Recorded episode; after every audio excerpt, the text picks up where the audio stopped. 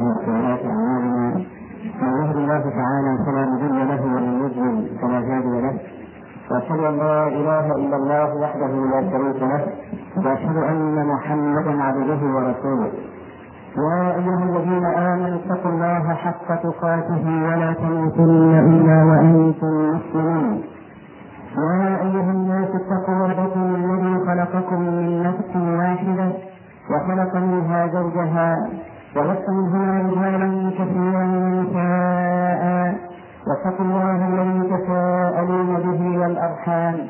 إن الله كان عليكم رقيبا. يا أيها الذين آمنوا اتقوا الله وقولوا قولا سديدا. يصلح لكم أعمالكم ويغفر لكم ذنوبكم. ومن يطع الله ورسوله فقد فاز فوزا عظيما اما بعد فان اصدق الحديث كتاب الله تعالى واحسن الهدي هدي محمد صلى الله عليه واله وسلم وشر الأمور محدثاتها وكل محدثه بدعه وكل بدعه ضلاله وكل ضلاله في النار وموضوع هذه الخطبه بعنوان البدعه واثرها في ترسيخ نحله المسلمين خطبه الحاجة التي نبدا بها خطبه الجمعه أو اي درس فيها قوله صلى الله عليه وسلم كل بدعة ضلالة وكان النبي عليه الصلاة والسلام كثيرا ما يردد خطبة الحاجة حتى ذكر العلماء أن هذه الخطبة كان يقولها دائما بين يدي كلامه عليه الصلاة والسلام. فإذا كانت هذه الخطبة هذه الزجاجة ثابتة في كل الكلام دل على خطورة ما ورد فيها. إذ أن الكلام النبوي إذا كرر دل على مزيد الاهتمام به. وكان إذا أراد صلى الله عليه وسلم ترسيخ نعم ما كرر حتى أنه كان يكرر الكلمة ثلاث مرات. فهذه الخطبة فيها خير الهدي؟ هدي محمد. وفيها كل بدعة ضلالة. إذا نفهم من هذا أن السوس الذي ينخر في خير الهدي لا يكون إلا البدعة. وهو كذلك. البدعة هي السوس الذي ينخر في خير الهدي. لذلك كان للبدعة أثر عظيم جدا في ترسيخ نحلة المسلمين من لدن الصحابة إلى الآن. وهذا كان إحساس الصحابة بالبدعة شديد. نفورهم من البدعة كان فوق كل تصور. حتى الآن لما سنعرض بعض النماذج المبتدعة التي انكرها الصحابة. نحن الآن نراها من المستحبات. نحن الآن نراها من المستحبات. وكانت عندهم من البدع. لأن الأمر كما قالت عائشة رضي الله عنها يا ويح لبيب كيف قال ذهب الذين يعاش في أكنافهم وبقيت في خلف كجلد الأجراد الذي عاصر الرسول عليه الصلاة والسلام. ورأى هذا الموت وعاش هذا الزمان الغض يكون من أشد الناس غربة. وذلك نحلة الصحابة بالمعارك التي حدثت بينهم كانت شديدة. تخيل واحد عايش في زمان الرسول عليه الصلاة والسلام الكل إخوة متحابين لا مشاكل على الإطلاق. وبعدين يدور الزمان فإذا به يجد الأخ الذي كان يصلي من جانب أخيه والقدم في القدم والكتف في الكتف وكان يخرج اللقمة من فمه ليعطيها أخاه إذا بهذا يقاتل هذا للملك؟ لحظ النفس. كم تكون غربته؟ لذلك عائشة تمثلت بهذا البيت. وهو من أبلغ الأبيات وأعظمها. يا ويح لبيب يعني قاتله الله كلمة تعجب. يا ويحه كيف استطاع أن يكون؟ ذهب الذين يعاش في اكنافهم الذين يعاش في أكنافهم وفي ظلهم ذهبوا ماتوا وبقيت في خلف كجلد الأجرام. لازم تحس وأنت تعاشر هذا الرجل. لأنه مليان بدع واسلام فاتح فقال فقال عروة بن الزبير وعائشة عمته هو ابن أسماء بنت أبي بكر. قال يا ويح عائشة لو عاشت زماننا. قال هشام بن عروة راوي الحديث عن أبيه عروة. يا ويح عروة كيف لو عاش زماننا؟ ولا زال كل راوي يروي الحديث يقول يا ويح فلان كيف لو عاش زماننا؟ هذا التفاهم وكما قال صلى الله عليه وسلم إنها ستكون سنون خداعه يخول فيها الأمين ويؤتمن فيها الخائن ويصدق فيها الكاذب ويكذب فيها الصادق وينفق فيها الرويبضة. قالوا من الرويبضة يا رسول الله؟ قال الرجل التافه يتكلم في أمر العالم كل هذا حدث. كل هذا حدث. الناصحون كذب الآن. إذا قلت هذا لا يجوز؟ هذا حرام. لا يصدق. الافاك الكذاب الذي نعلم من نفاقه الساطع انه منافق بيعتني المناسب ويرتقي بسرعة الصاروخ. والذين وقوه يعلمون أنه منافق. وهي المشكلة. نعلم أنه منافق. من خداعه واستدار الزمان. فمن جملة الاستداره غياب خير الهدي. صارت السنة هي الغريبة. إذا أردت أن تفشي في الناس سنة قابلوك بكل إنكار. يعني لا يتريث ولا يسأل الرسول قال من أين جئت بها. هل قال بها أحد العلماء؟ أبدا. قبل ما يسأل هذه الأسئلة إنكار. يعني من جملة الغربة. البدعة من أخطر ما واجه المسلمين أخطر من العدو الكافر البدعة. لأن البدعة يفعلها الرجل يظن أنها قربة هنا خطورتها. وهي كما قال القائل احذر عدوك مرة واحذر صديقك ألف مرة. فلو الزمن قلب الصديق فكان أعلم بالمضرة. ما يضرك إلا الذي أعطيته بطنك وكرشك لو غضب عليك أصبحت مفتوح. لكن عدوك أنت مختلط من عدوك دائما. من صديقك. فلو الزمن قلب الصديق فكان أعلم بالمضرة المبتدع يلبس لباس الدين. وممكن ما غر الصحابة الأوائل. وممكن الفقهاء تجد مثل متمجد. صار سندوسة من الصيام يخرج ماله. عنده بد وعنده سخاء فيوم ده يداري على البدع لما تقول لأبناء احذروا هذا الرجل. احذروه ده رجل قائم ومتهجد ومصلي ومتصدق. أنتم ما يعجبكمش حد. دائما تنتقدوا خلق الله كلهم منتقدون عندكم. ماذا تريدون؟ أكثر من هذا. تقي عابد جاهد هذا ما كان يضر الصحابه الأوائل. لأنهم لما تلقوا عن النبي عليه الصلاة والسلام تلقوا عنه تلقي الواعي غالب الجهني رجل له سجون أسود في تاريخ المسلمين. أول من قال بدعه القدر. وهي بدعة قبيحة جدا. الحمد لله الآن انقرضت هذه البدعة من المسلمين؟ البدعة التي ابتدعها معبد الجهني كان يقول إن الأمر أنس وأن الله لا يعلم بالحدث إلا بعد وقوعه. هي دي ملخص بدعته علم الله ليس قديما ليس متقدما على أفعال العباد. يعني ممكن الله عز وجل يفاجئ بالفعل. واحد عصاه لا يعلم أنه سيعصيه إلا بعد وقوع الفعل. هو ده معنى الأمر انس بعد الضاء قرأ القرآن. وتقصر العلم. تقصر يعني نزل لأعرض إلى قعره. وكان جاهد عابد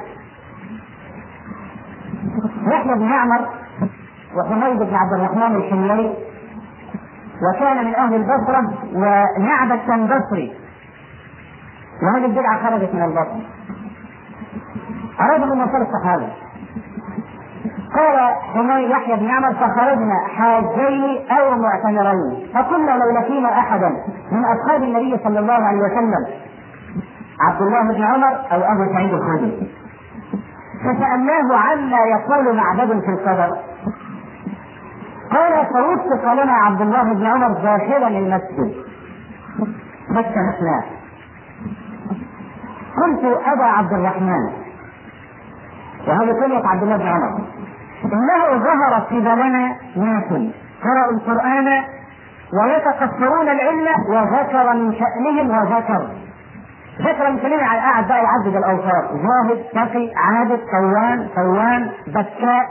وذكر من شأنهم. وأنهم يقولون لا قدر والأمر أمر.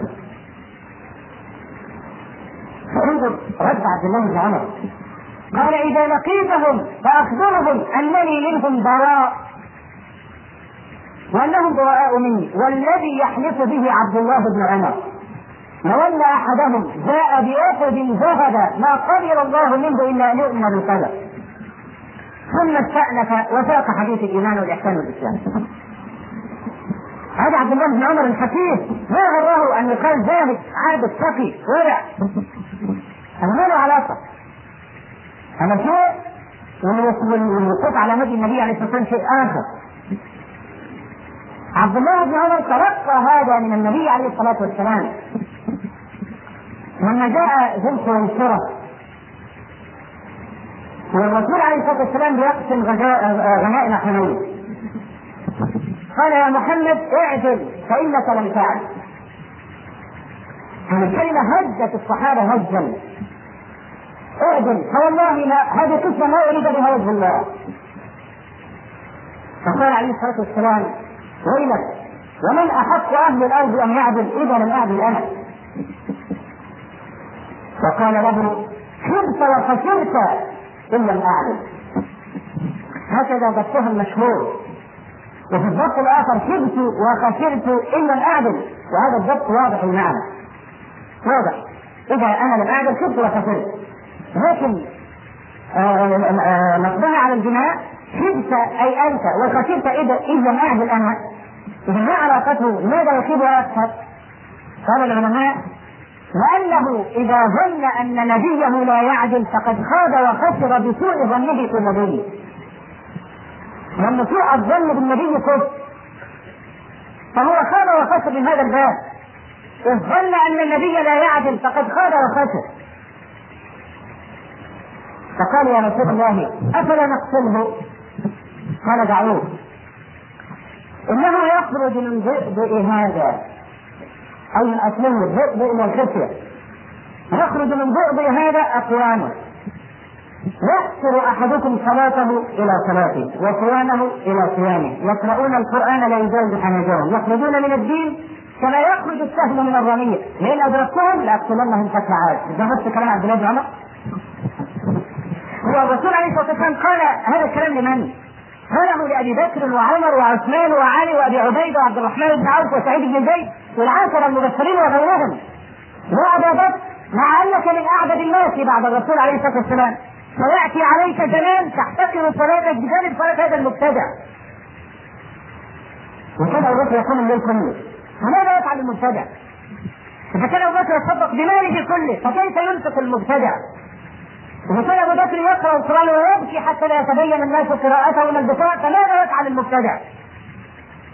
يصل الحال ومثل هؤلاء العباد اللي محتاج الشيخ هنا بصلي هي دي السنة ديت نفسي اكون كفلان هو مبتدع. ويخرج من الدين كما يخرج السهم من الرمية. ليس هو يخرج نفسا على قدمه إنما يخرج بسرعة السهم إذا خرج من كبد القول ما نفعته الصلاة؟ ولا صيام. ولا ثبته ذلك اذ جاءت الشبهة. لما جاءت الشبهة كان من أسرع الناس خروجا من دينه. اذا كثرة العبادة ما لها علاقة بالاستقامة على الهدي. يزيل العبادة. المبتدع يعتقد أن البدعة تزول. لذلك نحن نهجم على الطرق الصوفية بكل قوة. الطرق الصوفية شوكة في ظهر المسلمين منذ ظهرت في أيام الدولة الفاطمية. نرجع إلى مصر بقراءة تاريخ الجبرتي انهم يتكئون على هؤلاء المخلفين في تحقيق لاعينهم ويخبريته مش مجلة مجلة التصوف الإسلامي. مجلة معتمدة مجلة إسلام وطني مجلة معتمدة ولا يشتغل عليها إطلاقا. معروف. هذه لها توصيات. إن المجلة دي تستمر. لما تخرج عقائد المسلمين وتستوفي للأبرار الخير بالشوق بالحكم وللحياة مجلة إسلام وطني بتيجي تقول ثالوث الكفر ابن تيمية وابن القيم وابن عبد الوهاب شيخ الإسلام الذي قال للعلماء لما نوروه أمام السلطان قال لم قال الاسلام في وقت الشدة غيري وقال شيخ الإسلام ألزموني أن أقول هذا الكلام الانسان لما يقابل تجهيز كامل. لا مانع أن يذكر ما محاسنه وماذا فعل؟ النبي صلى الله عليه وسلم لم تكونوا ضلالا فهداكم الله لي. وصار يقول ويقول وقوله حق فقد يضطر الإنسان أن يقول الذي فعله امام التدوين الموجود الجماهير. ملوك التكفير يكفر الخيرة الأبرار على صفحات الزواج وعلى صفحات المجلات. هذا مما يحيق بنا لابد من إنكاره. حتى وإن لم يستجيبوا لهذا الإنكار لابد من إنكاره معذرة إلى الله تبارك وتعالى. لذلك نقاوم كل بدعة ونحاول أن نرسخ هذا الشعور عند المسلمين. إن البدع تفعل امامه ولا يشعرون ببساطة سبيل المجاهد بالسنن الحقيقية. كيف يعرف إن هذه بدعة وهو جاهل بالسنة؟ لذلك لابد من تعليم الناس خير الهدي. وهو هدي النبي عليه الصلاة والسلام ثم تنفيرهم من البدعة. البدعة قرين الكفر البدعة هي البوابة إلى الخروج من الإسلام. جهم بن صفوان ما خرج من الدين إلا ببدعة. الجعد بن درهم ما خرج من الدين إلا ببدعة. ذو الخنصاء ما خرج من الدين إلا ببدعة. وهي البوابة إلى الكفر. هذا مطلوب تعليم الناس السنة. والصبر على تعليم الناس السنة. تعليم الناس السنة من أعظم القربات إلى الله. أعظم من صلاة النافله أعظم من قيام الليل. تعليم الناس السنن في زمان الغربة أعظم من القيام أعظم من قيام الليل وصيام النهار والتصدق بكل المال. لذلك الإمام أحمد بن حنبل صبر على مر الضرب والجلد وظل سنتين الأغلال في رجله. الأغلال في رجله. ولو رآنا يصلي أخرج رجله من القيد فلما يصلي يضع القيد في رجله مرة أخرى سنتين الإمام أحمد بن حنبل يذكر أكثر مما يذكر آباؤنا وأمهاتنا. نترحم عليه ونتربى أكثر من آبائنا وأكثر من أمهاتنا. جعل الله له لسان الصدق. الذين يبلغون رسالات الله ويخشونه ولا يخشون أحدا إلا الله. لذلك الإنسان لما يتعرض لإرهاق وتعذيب وإهانة صارت عليك نفسك. لا تنظر إلى منصبك الدنيوي وتقول من اللي بهدلت نفسك. خلاص أنا أعبد بقى ربنا واصوم واصلي وادخل في زاوية. والله لست اذل منهم. ولا أريد أن اضايق فأقول لا تصلح غلاما فصب على واحد منهم وضوءه. لأننا لا نعلم أقدار الناس. لكن لست أفضل منهم على أي حال ولا في الجملة. الامام مالك يضرب ثلاثمائة جلدة حتى تخلع كتفه لأنه يأبى أن يفتي بإيقاع طلاق المكره خلافا لو في المنصور وين المدينة؟ مذهبه ان طلاق المكره يقع مالك يقول لا يقع وهو الحق. ويجلده. حتى تنخلع كتفه وهو صابر ولا يبدل ولا يداهن. ولذلك في شأن الإمام أحمد قال علي بن المدين رحمه الله وقى الله الأمة من الكفر مرتين برجلين. بأبي بكر يوم الردة وبأحمد بن حنبل يوم الفتنة. حنبل يوم الفتنة. ولذلك الإمام أحمد اسمه الصديق الثاني. يسمونها هكذا. الصديق الأول هو أبو بكر الصديق الثاني أحمد بن حنبل. لأنه ثبت في محنة يتيب لها شعر الولدان. أمير المؤمنين نفسه المعتصم. يقول يا أحمد كلها يا أحمد أريد أن أرحمك. يقول يا أمير المؤمنين اعطني شيئا من كتاب الله ومن سنة رسوله أقول به. يدخل عليه عمه يا أحمد كلها يا أحمد يا أحمد كلها يا أحمد كما قالها غيره. كلها تقية انت بنفسك يقول يا عم عودت نفسي على الصوت وعلى النار. وبالتالي لا أتحمل النار. العالم امين على عقائد الخلق. لابد أن يظهر بها ويتحمل الأذى في سبيلها. لولا أن العلماء صبروا ما وصلك دين اوعى تتصور ان الدين ده وصلك بسهوله والله وصلك على دماء ناس. وعلى أسمائهم. وشردوا ووصلت الدين. إن لم نكن بها كما قالوا فيلعننا الله والملائكة. وسيبدل الله.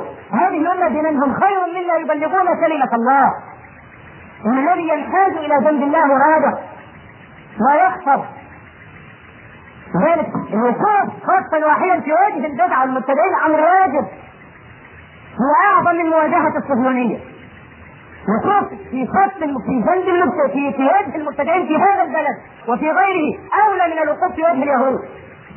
اليهود عدو أنت تعرفهم إنما هؤلاء يقولون قال الله قال الرسول ويلبسون على الخلق الجمعة الماضية من ذلك أختم الجمعة الثالثة وإذا بي أجد شيخ طريقة الصوفية نسيئة الخلق شيئا خطيرا جدا. إنه لا فائدة من العمل. لأن خلاص الإنسان كتب مقعده من الجنة مقعده من النار. إذا إحنا يعني لا قيمة لأعمالنا. وجدنا الحديث الصحيح أن الله تبارك وتعالى لما خلق آدم مسح ظهره فأخرج من ظهره كل نسمات هو خالقها يوم القيامة. قال هؤلاء للجنة برحمته وهؤلاء إلى النار بعدل فبيفوت إن ربنا قبض القبضة كده هو قرب قبضة كده ثم حجه جه على اليمين. خلاص. والآن السعادة حين المسألة خالية من الحكمة ويكون لا فائدة من العمل. هي له الراجل ده؟ بقى يحيي الليل يشرب جوزة ويشرب حشيش وياكله ويرقص طول الليل. هو العمل ملوش قيمة. فلما أخبره في البدع قال حدثنا عنه. كان الرجل موجود واحد منهم قال اكتب الصلاة. من قال ثلاثة وثلاثين سبحان الله وثلاثة وثلاثين الله أكبر وأربعة أكد غفرت له ذنوبه وعن كده انتفع بكده اكتب الصلاة. فايش تستمر على الصلاة. فلما تركناه وختمنا الصلاة وبدأنا الصلاة خرج رغم وهاء هذه الدعوة إلى أن تبعه الجبن كثير في البلد رجل عايز يدخل لماذا لا؟ لماذا يتصدق؟ لماذا يقوم الليل؟ لماذا يصلي وحيدخل الجنة؟ هذه الدعوة قابلت نفوسا خبيثة قد تقرت على الخبز يعني كما قلت هذه دعوة من أوه الدعاوى التي يجيب عنها الأطفال قلت والذين يعتقدون بدعته يا جماعة رجل أراد الولد ولم يتزوج قال لك أنا بقى هخلف كده ما تقولون فيه؟ أم قال واحد ما يتزوج عبيط طيب لماذا هو عبيط؟ قال إنه لا يمكن يتصور وجود ولد إلا بامرأة قلت طيب يا أخي لو ربنا قدر لي الولد هنجيب الولد من غير امرأة مين هي؟ لو ربنا سبحانه وتعالى قدر عليه دخول الجنة هيدخلها بلا عمل يمشيك لماذا يأكل؟ من يشرب الجوع الشديد إذا كان ربنا كتب لي أم وإنه هيعيش من غير أكل هيعيش لماذا يأكل إذا؟ هي هي. الصورة هي هي. وكأنه لأجل إنزال هذا اللبس قال النبي صلى الله عليه وسلم بعدما ذكر الحديث من الحديث الصحيحين حديث علي بن أبي طالب ما من نفس منفوسه إلا قتل مقعده من الجنة ومقعده من النار. قال رجل في بعض الروايات من سراقه بن مالك يا رسول الله كثير العمل قال اعملوا فكل ميسر لما قل قال ثم تلا. ثم تلا. قال هذه الآيات ليزيل اللبس فمن أعطى واتقى وصدق بالحسنى فسنيسره من يسر. واما من دخل واستغنى وكذب بالحسنى فسنيسره للعسرى اذا التيسير لليسرى لابد له من إعطاء وتقوى وعمل. فأما من أعطى اذا هو هذا سبب يجزل اعطاء وتقوى. إذا فعلت هذا تيسر لليسرى ما يسرى تنام وإذا ترك العمل يسر لليسر. قرأ هذه الآية من المجد. اللي الصحابي سأل عنه. إذا كل شيء يؤدي إلى الجنة لابد له من عمل. الصحابة لم كانوا مستقيمين وفطرهم سليمة. قال سراقة بن مالك بعد ما سمع كلام الرسول عليه الصلاة والسلام فلا أجدني أشد عملا مني الآن. طبعا المسألة تيسير لليسرى بالعمل فهمت. السبب فلا أجدني أشد عملا. الآن الجماهير لما تسمع هذه الآية بتركة لماذا خالف الصحابة؟ لانهم لا يصلون في هذا النار الايمان بالقضاء والقدر لابد أن يكون مجملا التفصيل فيه مضلل على طول لأن حكمه الله تدل عن العقول لا تستطيع أن تصل إلى كلها ولا تعرف لماذا اشقى الله العلماء وعذبهم واراح الأشياء انتصرت العالم الذي يدل على الله أولى الناس بالسعادة والراحة النفسيه أولى الناس أن تكون الدنيا تحت قدمه فما باله الشقي ومن الدليل على القضاء وحكمه بؤس اللبيب يصيب عيش الاحماق هذا من الدليل على القضاء يحار فيه اللبيب يحار فيه في القضاء والقدر. لذلك لا يكون القضاء والقدر إلا مجملا. إياك أن تفسر. لذلك قال صلى الله عليه وسلم إذا ذكر القدر فامسكوا امسك. لأنك لا تستطيع أن تصل إلى حل. رضي عقلك. إنهم يضعون الله في قفص الاجتهاد إذا كان كتب علي المعصيه فلماذا يعذبني؟ إيش معنى هذا الكلام؟ إلا أن الله ظالم بالراس بالراس ويجري هذا الكفر على السنة الجماهير. ويضل الناس بسبب واحد. خبيث لا يعلم منحرف عن السنن يقاوم على السنة في بلده. فمنفوذ آل المطمئن إطلاقا لا يتصور إنه ممكن يقبض عليه. أبدا آل المطمئن. لابد من مقاومة البدع. الجماهير لابد أن تتعلم السنن حتى تمشي تتوب المبتدعة إنما فرطنا كثيرا جدا في ديننا. الصحابة رضوان الله عليهم.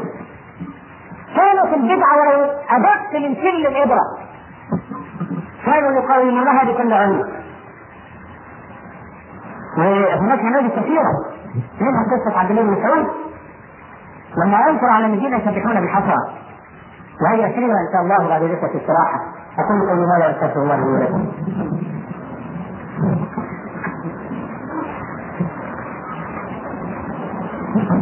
الحمد لله رب العالمين له الحمد الحسن والثناء الجميل وأشهد أن لا إله إلا الله وحده لا شريك له يقول الحق وهو يهدي السبيل وأشهد أن محمدا عبده ورسوله صلى الله عليه وعلى آله وصحبه وسلم. قصة الحق قصة مشهورة رواه الإمام الجهري في سننه بسند صحيح عن يحيى بن عمرو بن سلمة عن أبيه قال كنا جلوسا بباب عبد الله بن مسعود بعد صلاة الغداء. صلاة الفجر